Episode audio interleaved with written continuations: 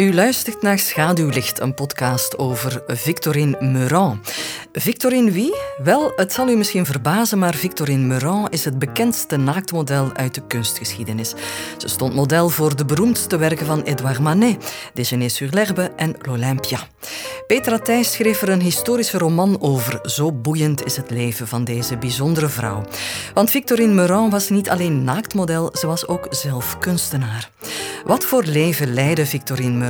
Hoe moeilijk was het voor haar om als kunstenaar au serieus genomen te worden in een wereld die door mannen gedomineerd werd? Waarom is ze tussen de plooien van de geschiedenis verdwenen? Waar haalde ze haar inspiratie en wat schilderde ze überhaupt?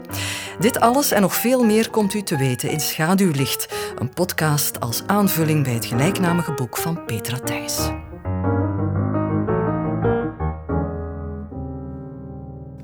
In aflevering 2 komen een aantal eh, positieve rolmodellen aan bod. Vrouwelijke kunstenaars die de beperkingen die hen opgelegd werden omwille van hun seksen wisten te overstijgen. Aan tafel Petra Thijs, auteur van Schaduwlicht, en Karin Haanappel, kunsthistorica met als missie vergeten vrouwelijke kunstenaars terug in de schijnwerpers te plaatsen.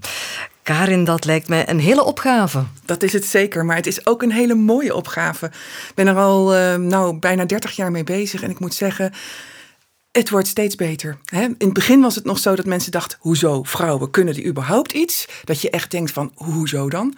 En tegenwoordig wordt er meer aandacht aan besteed. Ja, want Victorine Meurant, over wie we het eh, hebben in deze podcastreeks, was duidelijk niet de enige die uh, tussen de plooien van de geschiedenis is Absoluut niet, nee, nee. En dat heeft eigenlijk alles te maken, zeker ook met Victorine Meurant. In de tijd dat zij leefde, was het een heel erg male-gazed world, om het maar zo uit te drukken. Daar zijn we ondertussen mee vertrouwd met die uitdrukking. Gelukkig, gelukkig.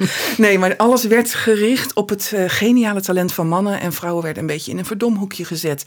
En ja, dat lot heeft Victorine natuurlijk ook ondergaan. Terwijl ze natuurlijk uh, fantastisch was in haar eigen zijn. En als we terugblikken, dan was ze zeker niet de enige. Niet in haar tijd, maar ook niet voor haar tijd. Ja, er waren er wel degelijk. Uh, ze zijn ja, verdrongen misschien al in de tijd waarin ze leefde, maar ook daarna niet altijd terug opgepikt. Hoe komt dat dan? Dat heeft alles te maken met het feit dat de historische disciplines in het midden van de 19e eeuw opgetild zijn en tot een wetenschap zijn verheven. En daar moest natuurlijk ook een soort van kanon voor gecreëerd worden. En laten we zeggen dat we aanvankelijk allemaal aan de Universiteit Natuurwetenschappelijk onderzoek en docentschap hadden. Nu had men bedacht, die historische vakken moeten erbij. Dus dan bedoel ik kunstgeschiedenis, literatuurgeschiedenis, muziekgeschiedenis, reguliere geschiedenis, echt alles wat met geschiedenis te maken heeft. Toegespitst voor de kunsten is het dan belangrijk dat als je daar doseert aan de universiteit, dat je een mooie rode draad pakt. Dat je start ergens, eindigt ergens en dat je daar tussenin allemaal kunstenaars en stromingen gaat doseren, uitdragen. En de tijdgeest waarop dit gebeurt is bepalend voor wat erin komt. Met andere woorden, dit gebeurt midden 19e eeuw. Mhm. En het credo van de heren die dit creëren is: grote meesters zijn uitsluitend en alleen witte westerse mannen. Nou, wit en westers, daar kunnen we van alles Hè, inmiddels bij bedenken. West-Europa heeft nog kolonies, dus vanuit dat perspectief is het te begrijpen. Nou, we hoeven het niet goed te keuren, maar het is te begrijpen. En ten aanzien van de man-vrouw verhouding zitten we in het midden van de 19e eeuw in een hele andere situatie dan vandaag de dag. Mhm. We hebben nog volop te maken met wat we noemen de gescheiden domeinen. Die zijn een twintig jaar eerder in het leven geroepen. Eigenlijk meer vanuit een ideologie dan dat het feitelijk ook bij wet bekrachtigd werd. Het werd helemaal nooit bij wet bekrachtigd. Maar goed, het wordt naar buiten gebracht. We hebben twee domeinen: het publieke domein, het private domein. Vrouwen uit de gegoede kringen, dus middenklasse en hoger, mogen nu alleen nog maar in het private domein zijn, zonder professie.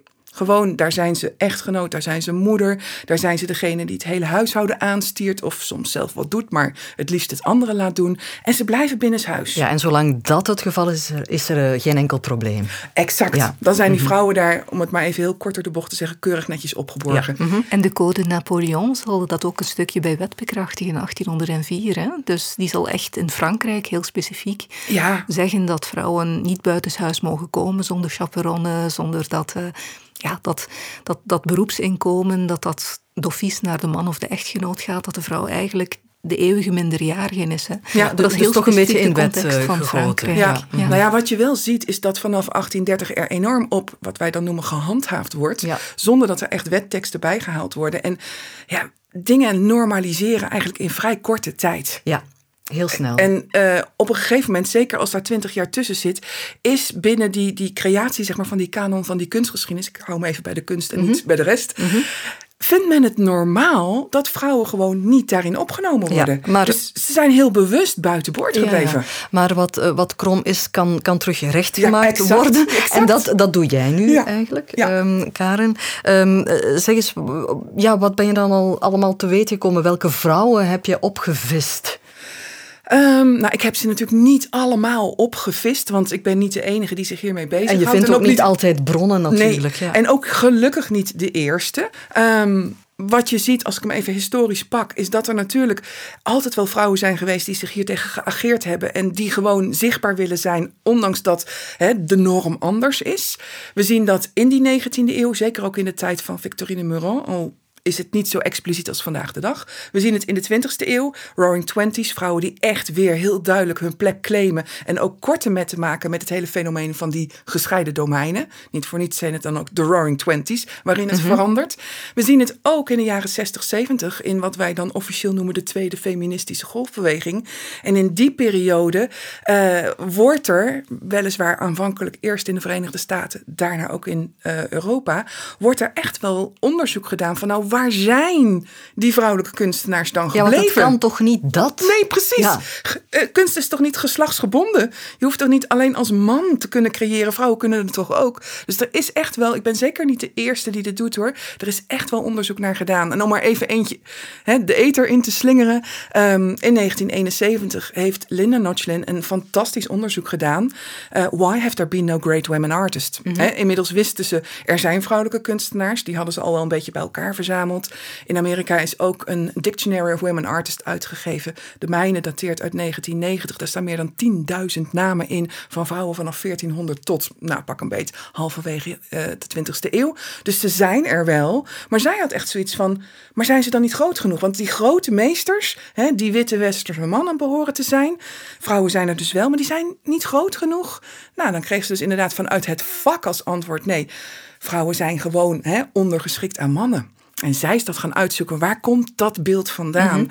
En ze komt er dan ook al vrij snel achter dat vrouwen eigenlijk niet mogen studeren aan de academies. Ze mogen niet de opleiding genieten die mannen ook hebben gehad. Dat wil zeggen, dit was ook niet toen de eerste academies ontstonden in de tijd van de Renaissance. Toen mochten vrouwen en mannen daar terecht. Dit is echt een, een, een verandering statuair die aangebracht is in 1607 door meneer Federico Tsugari, die het niet echt kon hebben dat er uh, vrouwelijke concurrentie was. Laat ik het maar daarop houden. Dus hij bedacht dat het uh, belangrijk was dat we vrouwen beschermen tegen zichzelf, want anders zouden ze misschien wel eens onvruchtbaar kunnen worden. Oké, maar het was eigenlijk een negatieve motivatie exact. uiteindelijk. Ja. En om even daar het, het stukje op te pakken 1897 mhm. in Parijs gaat de Académie des Beaux-Arts open voor vrouwen. Dus vanaf dat moment zie je ze ook weer in het onderwijs. Maar daartussen en, en daarvoor is het beredderen eigenlijk, ja. Maar, wat, wat Victorine Meurant eigenlijk doet, uh, Petra. Uh, zij vindt haar weg via het vrouwensalon, de vrouwensalons van, uh, van Alfred Stevens. Daar gaan we het zo meteen over hebben. Via de, de Académie Julian, ook, die een heel belangrijke is in de tweede helft van de 19e eeuw. Um, was ook heel belangrijk voor haar. Daar mocht je naakt schilderen als vrouw. Dat mocht voordien niet. Dat was een heel groot taboe. Ja, zeker. Um, je had toegang tot prijzen. Je kon aan wedstrijden deelnemen. En ja, er waren een aantal prestigieuze leraars, zoals een Tony Robert Fleury, ja, die, die ervoor zal zorgen dat zij op het einde van haar leven erkend wordt als verdienstelijk schilderes door de Société des Artistes Français. En dat zij dus een schilderspensioen zal krijgen. Ja, op Stevens komen we zo meteen nog uh, terug, Petra. Eerst terug naar, uh, naar Karin. Ja, we hadden het over die vrouwen die dus wel degelijk waren, maar niet gezien werden. Um, geef eens een paar voorbeelden, want dat willen we natuurlijk wel horen ook nu. Hè? Ja. We kunnen niet helemaal teruggaan tot 1400 en... uh, want dan hebben we, we een beetje ook, tijd We kunnen ze ook niet allemaal noemen. Wat ik wel wil benadrukken is dat die vrouwen in hun eigen tijd wel bekend waren. De, de omslag is echt gekomen in die 19e eeuw. Ze zetten vrouwen aan de kant. Ze focussen zich op die mannen. Dat herhalen ze, bestendigen, of bevestigen ze en bestendigen ze. Waardoor er dus een nieuwe waarheid ontstaat. Een gecreëerde waarheid. Die wij nu ook nog steeds uitgedragen krijgen aan universiteiten, in musea. En waarbij de vrouwen eigenlijk een beetje nog in het vergeethoekje ja, zitten. Dus daar is nog heel veel werk aan de winkel. Dus ik wil er zeker een paar noemen. Ik noem de topjes van de mhm. ijsberg. Ja. En, uh, maar ik wil wel benadrukken dat deze vrouwen in hun tijd bekend waren. Nou, de eerste die ik heel graag naar voren wil brengen is, en ze heeft een fantastische naam, Sofonisba Anguinzola. Zij... Um, is bijna 90 jaar oud geworden. Zij is geboren aan het Hof van Cremona. Heeft daar eigenlijk in de hoofdse opvoeding heeft ze leren tekenen schilderen. Al heel snel was duidelijk, zij heeft meer dan gewoon talent. En zij mag dus ook naar leraren toe die haar nog iets beter in haar vak kunnen brengen. Ze gaat ook doseren aan het Hof van Cremona. Ze heeft ontzettend veel leerlingen gehad. En ze maakt ook in opdracht werken. En op enig moment is koning Philips II in Spanje op de hoogte gebracht van haar bestaan. En die zegt, zij moet hierheen komen. Ik wil haar aan het hof hebben. Mijn vrouw wil schilderlessen hebben, dus die kan ze het een en ander leren. Ik heb gewoon een goede kunstenares ook nodig die prachtige portretten gaat maken. Kan ze hierheen komen? Sofonisba wil dat graag, want ze wil liever dat dan dat ze trouwt. Want dan is het penselen neerleggen en mm, wie weet zelfs sterven in het kraambred. Dus dat mhm. is niet haar optie. Ze gaat naar Spanje, blijft daar enkele jaren, gaat weer terug naar Italië. Ik noem het even Italië, al is het natuurlijk nog geen eenheid op dat moment. Ze krijgt van Philips twee dingen mee. Ze krijgt een jaarsalaris tot aan haar dood. En de goede man wist niet dat ze 90 ging worden. Dus dat was wel wat. En ze kreeg een man mee, want ze was ongehuwd. Het was wel een man op leeftijd. Dus in haar voordeel, om het maar zo te zeggen. Ze werd snel weduwe. En dat is een betere optie dan uh, alleenstaande vrouw die nog uh, niet getrouwd ja, en is. En kinderen kwamen er niet. Kinderen kwamen er niet. Dus zij is inderdaad niet in het kraambed of tijdens de bevalling of hoe dan ook gestorven. En heeft ook niet voor de kinderen moeten zorgen. Maar kon gewoon blijven nog wel schilderen. leuk. Ja, vertel ik dan toch nog even het, wat het hoort een beetje bij haar biografie. Zij ontmoet nog een man. Ze trouwt nog met hem. Hij is 15 jaar jonger en het is echt love at first sight. Dat kan dus ook in die ja, tijd. Geweldig. En om, om er nog eventjes een Belgisch tintje aan te geven. Uh, Anthony van Dijk, bekend in België. Een uh, grote kunstenaar uit de 17e uh, Sir Anthony exact. Dijk ook. Ja. Hij op jonge leeftijd is naar Sicilië gegaan. En ik zeg altijd een voettocht naar Sicilië. Hè. Hij wilde haar per se ontmoeten. Hij moest van haar horen of hij genoeg talent had. Hij ontmoette haar een jaar voor haar dood. En hij heeft een prachtig portret van haar gemaakt. Hij schrijft er ook even in, in zijn uh, memoires, schrijft hij erover. Hij zegt, als ik bij haar ben, zegt ze... maar je moet wel een beetje sfumato-techniek doen... dat mijn rimpels niet zo zichtbaar worden.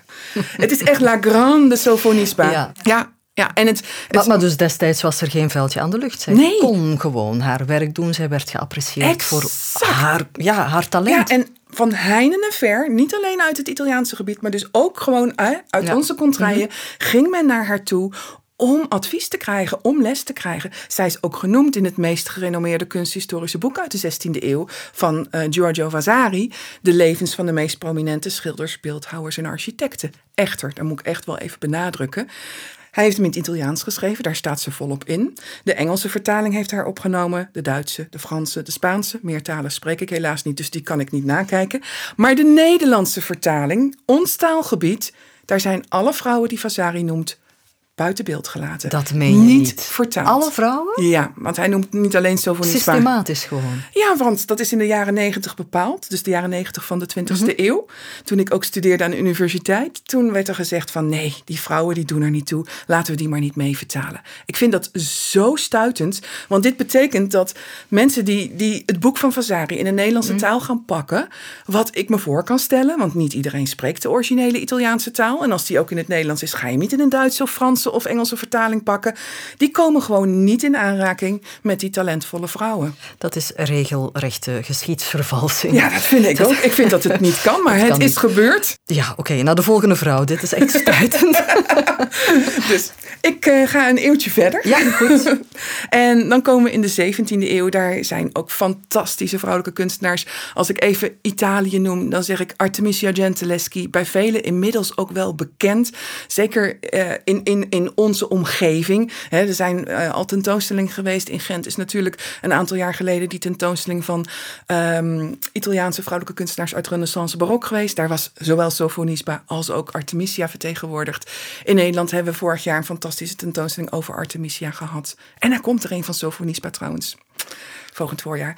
Um, dus zij uit Italië. Maar als ik hem eventjes naar ons toe breng, dan hebben we natuurlijk ook in de Nederlanden hebben fantastische vrouwen gehad.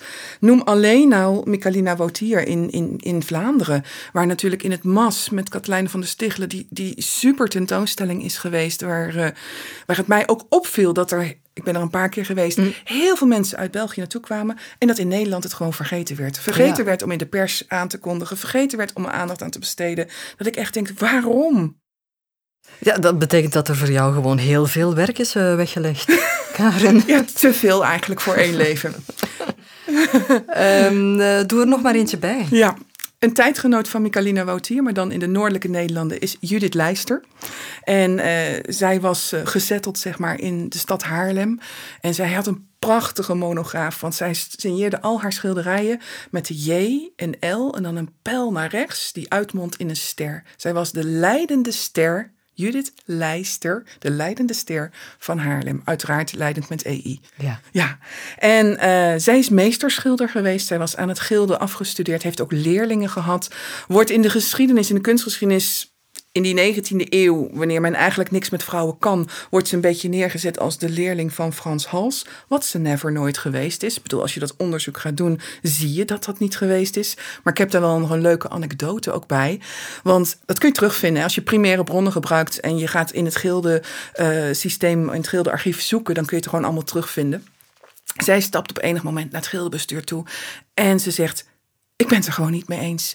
Iedere namiddag staan er mensen vanuit het atelier van Frans Hals mijn leerlingen uit te horen. Geld te betalen. Wat heb je geleerd? Kom maar bij ons. Kom het bij ons maar doen, wat je bij haar hebt geleerd. Dat kan gewoon niet. Dus het gildebestuur zei ook, dit is niet oké. Frans Hals krijgt een berisping. En dat was best wel een lastige, want je mag dan even niet hè, verkopen. Dus dan moet iemand anders dat gaan doen voor hem. Want dat zijn de restricties die hij dan krijgt. En uh, ja, zij moest haar leerlingen weer terugkrijgen. En dan denk ik, als je dit aantreft in een archiefstuk, hoe kun je dan nog zeggen dat zij de leerling is van Frans Hals? Alleen maar omdat zij die losse penseelvoering had, die hij ook had. Maar dat was een beetje de manier van schilderen in die mhm. tijd in Haarlem. Ja, het is niet zo dat hij haar voorbeeld zou geweest zijn. Nee, dat, Is, dat was hij zeker niet. Nee. nee, eh, Je zei net, uh, Karen Haanappel, uh, in de 19e eeuw, die eeuw waar ze niet zo goed wisten wat ze met vrouwen aan moest.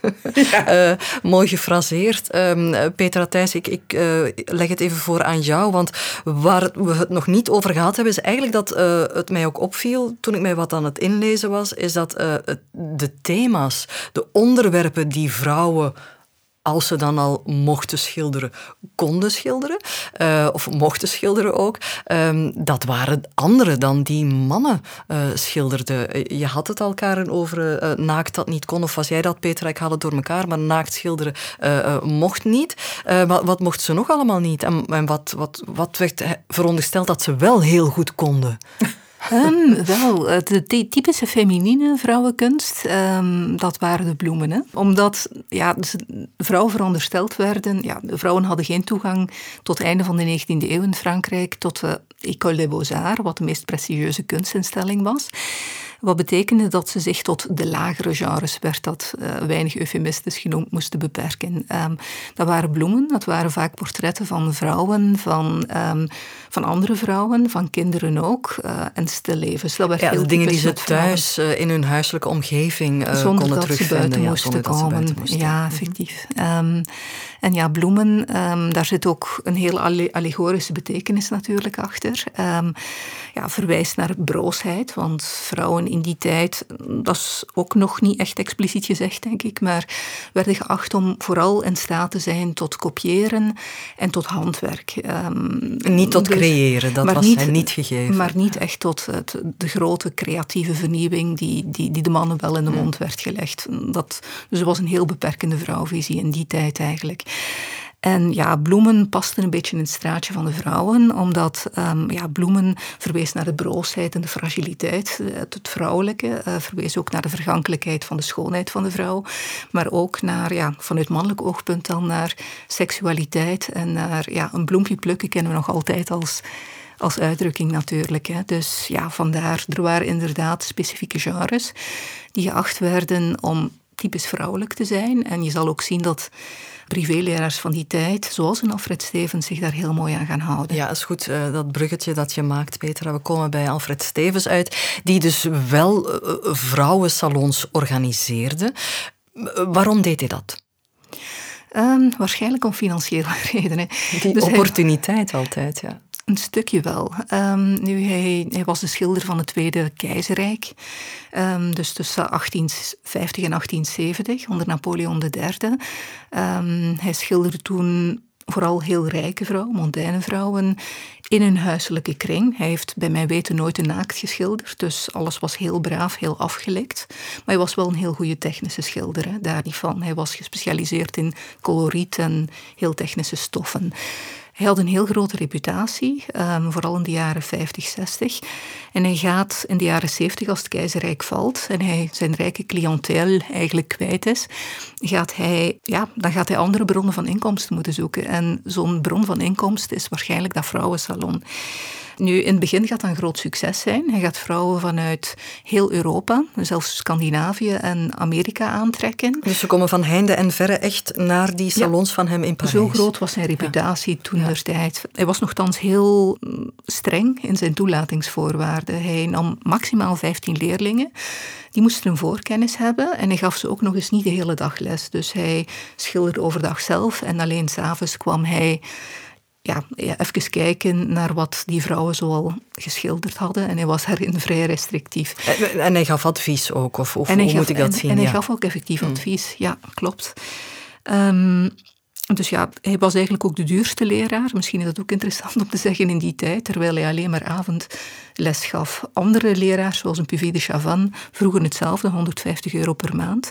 Maar die gaven daarvoor wel de hele dag les. Ja, en was hij de enige die aan vrouwen les gaf? Um, ja, je had natuurlijk ook een aantal academies, hè, zoals de Academie Julian, waar ja, ik het die net over straks al vermelde, ja. En er was nog een tweede academie en daar kan Karin misschien ja, iets over De Academie Colorossi is ook opgericht in die tweede helft van die uh, 19e eeuw. En dat was een academie die had ook niet eens toelatingseisen. Die vroeg ook niet het exceptioneel hoge bedrag wat Julian vroeg. Want die vroeg voor vrouwen soms twee, drie keer zoveel dan voor mannen. Ja, 400 tot 700 euro vroeg die voor een jaaropleiding. Dat was een kapitaal voor vrouwen in die tijd. Dus je hebt ook meteen een heel elitair gebeuren dan bij Julian. En Colorossi die zei nee, je koopt gewoon een boekje met knipkaartjes zeg maar. En je bepaalt zelf welke les je gaat volgen. Tekenen, schilderen, beeldhouden, maakt niet uit. Eén kaartje is één les. Dus dat werd natuurlijk overspoeld door kunstenaars, mannen en vrouwen. Maar van heinde en ver kwamen ze ook naar Colorossi toe. Mhm. En ja, ik weet dat onder andere Camille Claudel daar een uh, tijdje heeft gestudeerd. En mannen en vrouwen konden daar samen les volgen ook? Ze konden daar samen les volgen, maar het was natuurlijk wel altijd een beetje een dingetje met het naakt. Ja. Dan werden de, de, de groepen gescheiden. Maar als je gewoon, laat, laat ik zeggen, normaliter uh, tekenles mhm. kreeg, niet naar een naaktmodel, naar iets anders, dan konden ze bij elkaar zitten. Ja, maar dus wacht eens even. Uh, mannen mochten vrouwelijk naakt schilderen? Ja vrouwen mochten geen mannelijk naakt schilderen en ook helemaal geen vrouwelijk naakt? Nee, dat is dan een ideologie die in de renaissance opkomt. Dan zijn de mannen van mening dat als vrouwen mannelijk naakt observeren, dat ze niet meer te houden zijn. Dat zijn natuurlijk gevoelige wezens. Stel je voor dat ze die arme mannelijke modellen bespringen. Mm. Dit zegt alles over de mannen, hè? Ja, de École des Beaux-Arts zal daar ook iets over zeggen, eh, wat mij wel amuseerde.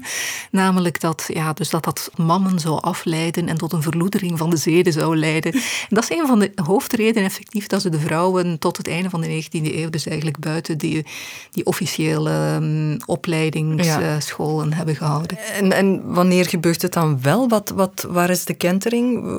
Hoezo um, kunnen ze dan plots wel uh, toegelaten worden? Um, de kentering gebeurt eigenlijk met de oprichting van een soort van vakbond voor vrouwen in de tweede helft van de 19e eeuw. Union des femmes peintres et sculpteurs. Um, en, en Alfred Stevens was daar bijvoorbeeld ook lid van, waarschijnlijk om de belangen van zijn vrouwensalon daarin te verdedigen. En Victorine Meurant, volgens de laatste research, moet nog bevestigd worden, maar hoogstwaarschijnlijk wel, mhm. was daar trouwens ook uh, lid van. Ja, die zijn echt, die organiseerde parallele exposities mhm. ehm, en parallele wedstrijden, ook voor vrouwen. En uh, ja, die sluiten zich eigenlijk aan met een Europese beweging die in die tweede helft van de 19e eeuw op, op gang komt. Omdat vrouwen natuurlijk ja, vinden dat zij ook recht hebben uh, tot dat staatsonderwijs. Ja. En, en hoe uh, belangrijk, toch nog even terug naar die Alfred Stevens, hoe belangrijk is hij, is hij geweest voor, voor haar carrière? Heeft ze les bij hem gevolgd of wat heeft hij precies voor haar betekend? Officieel is daar niets van bekend. Officieus ben ik er quasi van overtuigd dat zij wel les bij hem moet gevolgd hebben. Omdat er zijn eigenlijk twee saloninzendingen eh, van haar bewaard, van Victorine. En die verwijzen qua manier van schilderen, daar gaat Peter in aflevering 3 op ingaan, heel expliciet uh, naar, naar de stijl van Stevens. Dus daar kan je eigenlijk bijna niet omheen kijken. Maar ook zijn er linken met thematiek. Bijvoorbeeld heb ik heel recent ontdekt dat Palmzondag, dat zij geschilderd heeft, wat een klein meisje dat een palmtakje voorstelt eigenlijk, afbeeldt. Um, dat is natuurlijk een verwijzing naar een Palmzondag die Alfred Stevens vele jaren voordien heeft geschilderd met Victorine als model. Waarin een iets volwassener Victorine eigenlijk een palmtakje steekt achter een portret van een dierbare overledene. Maar het gaat verder dan dat. Ik heb ook ontdekt dat in de memoires van um, Sarah Bernhardt dus die ook een heel verdienstelijke schilder en, en ehm, beeld- en beeldhouster was, dat, eigenlijk, um, ja, dat, dat zij eigenlijk een bijna identiek portret heeft geschilderd van een klein meisje dat een palmtakje vasthoudt. Nu, als je even naar de implicaties kijkt, kan je je waarschijnlijk wel inbeelden dat Alfred Stevens gaf, vaak um, voorbeelden uit zijn eigen werk hè, op, op zijn vrouwensalon. Dat was bekend. Dus dat hij waarschijnlijk uh, ja, zijn Palmzondag, en dan hij huurde ook modellen in, een model dat wekelijks wisselde. Dus dat waarschijnlijk er op een bepaald ogenblik een meisje zal geweest zijn, zwartharig, dat zowel door Sarah Bernhardt als door Victorine Marant zou geschilderd zijn, wat haar ook expliciet zou linken aan die vrouwensalon. maar zou het ook niet kunnen, Uh, dat um, Victorine Meurant dat meisje, dat meisje dat model gezien heeft, omdat ze ook veel tijd doorbracht in het gezelschap van Alfred Stevens. Tuurlijk, ja, ze heeft, een hal, allez, ze heeft minstens tien jaar voor een Stevens geposeerd. Hè? Dus uh, dat zeer zeker. Maar haar versie van Palmzondag, interessant genoeg, ontstaat wel twee jaar voor die van Sarah Bernhardt. Mm. Dus, ja. Oké. Is er nog een kunstenaar die, uh, die je absoluut wil vermelden, Karin Haanappel? Och, er zijn er zoveel. het is nu het moment. Het is nu het moment. Eventjes een, een sneltreinvaart dan. Hè? In de 16e eeuw Kijk maar in Vasari, dan niet in de Nederlandse taal, maar in andere taal. Daar staan er een aantal. Sofonisba Anguissola, Nelli, Propersia de Rossi. Skippen we naar de 17e eeuw, heb ik natuurlijk net al Artemisia Gentileschi genoemd. Lavinia Fontana wil ik ook niet onvermeld laten. Michalina Woutier, Judith Leister en in Nederland nog zeker in eh, de Republiek heel veel vrouwelijke kunstenaars. 18e eeuw, Angelica Kaufman. Ze is de medeoprichter van de Royal Academy of Arts in Londen het, klinkt inderdaad als een Duitse naam. Hè. Ze is ook in Koer geboren. Ze is uh, met haar vader naar Rome gegaan. Haar moeder was trouwens een fantastische componiste, operazangeres. En dat talent had Angelica ook. Zij werd in haar tijd, net als Mozart, Wunderkind genoemd. Ja. Maar goed. Dus Angelica, fantastische schilderes. Um, Rosalba Carriera uit Venetië, die de pasteltechniek een nieuw leven ingeblazen heeft. Die in de kunstgeschiedenis weer aan mannen worden toegeschreven. Maar Rosalba is degene die dit heeft gedaan. Uh, Um, Elisabeth Vigée-Lebrun, uh, de grootste portretist van uh, Frankrijk in het Ancien-regime, dus voor de Franse Revolutie, de favoriet van Marie Antoinette, die ook interessant voor de luisteraars fantastische memoires heeft geschreven. Die zijn wel in het Engels vertaald, maar lees ze maar in het Frans origineel als dat kan. Daarin laat ze ook zo duidelijk zien dat toen zij bij Marie Antoinette kwam werken, kon het voor vrouwen nog. Alles was nog mogelijk. Mhm. Dan komt die Franse revolutie, die gericht is op liberté, égalité et fraternité. Geen humanité. Daar knelt het schoentje. Precies. Ja. Dus ja, en in haar memoires laat ze heel duidelijk die omslag zien. En zij overlijdt pas in de tweede helft, nee, sorry, in de eerste helft, bijna tegen 1850 aan. Overlijdt zij. Dus zij ziet wat die gescheiden domeinen doen. Zij ziet wat het voor vrouwen betekent. Zij maakt niet meer mee, wat Victorine natuurlijk wel heel duidelijk meemaakt. in dat Tweede Keizerrijk onder Napoleon III. En Baudelaire heeft er uitvoerig over geschreven. wat la modernité inhoudt. Mhm. Dat is niet het moderne leven, maar dat is de legalisering van de prostitutie. En het feit dat vrouwen die in het publieke domein verkeerden, in hun eentje als publieke vrouw werden gezien. Wat misschien ook bijgedragen heeft tot de beeldvorming rond Victorine. Ah, absoluut, absoluut, ja. De, de, de, totaal misplaatste beeldvorming. Maar dat is ook weer een stukje van herhaling, bevestiging, bestendiging. Ja, en zij moest het, uh, Victorine moest het helemaal alleen doen. Was van arme afkomst. Uh, en ja, moest gewoon uh, werken nou, ik, met de gitaar en de viool voor wat Victorine heeft gedaan. Ja, ja zeker. Om af te ronden, misschien toch nog deze aflevering af te ronden, Petra, toch nog ook even naar de invloed van Manet op op Victorine even kijken. Uh, want we zeiden net, ja, Alfred Stevens heeft die, die vrouwen, dat vrouwensalon hè, les gegeven. Ze heeft daar waarschijnlijk les gevolgd, zeg jij. Um, ze volgde ook bij andere mensen les. Maar wat heeft ze van, van Manet geleerd? Of wat heeft hij van haar geleerd? Misschien moeten we het zo formuleren. dat is een heel interessant boompje om op te laten, denk ik. Dus, uh, ja.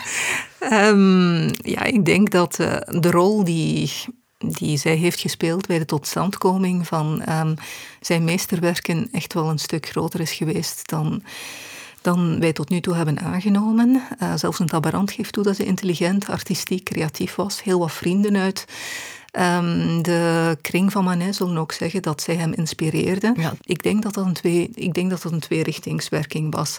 Hij heeft waarschijnlijk Victorine al heel jong gekend. Uh, er is nu een portret dat ze aan het authentificeren zijn, waarop hij Victorine waarschijnlijk heeft afgebeeld toen ze acht à tien jaar oud was. Um, dus dat is het Musée d'Orsay nu aan het onderzoeken. En dus was hij toen al in Parijs?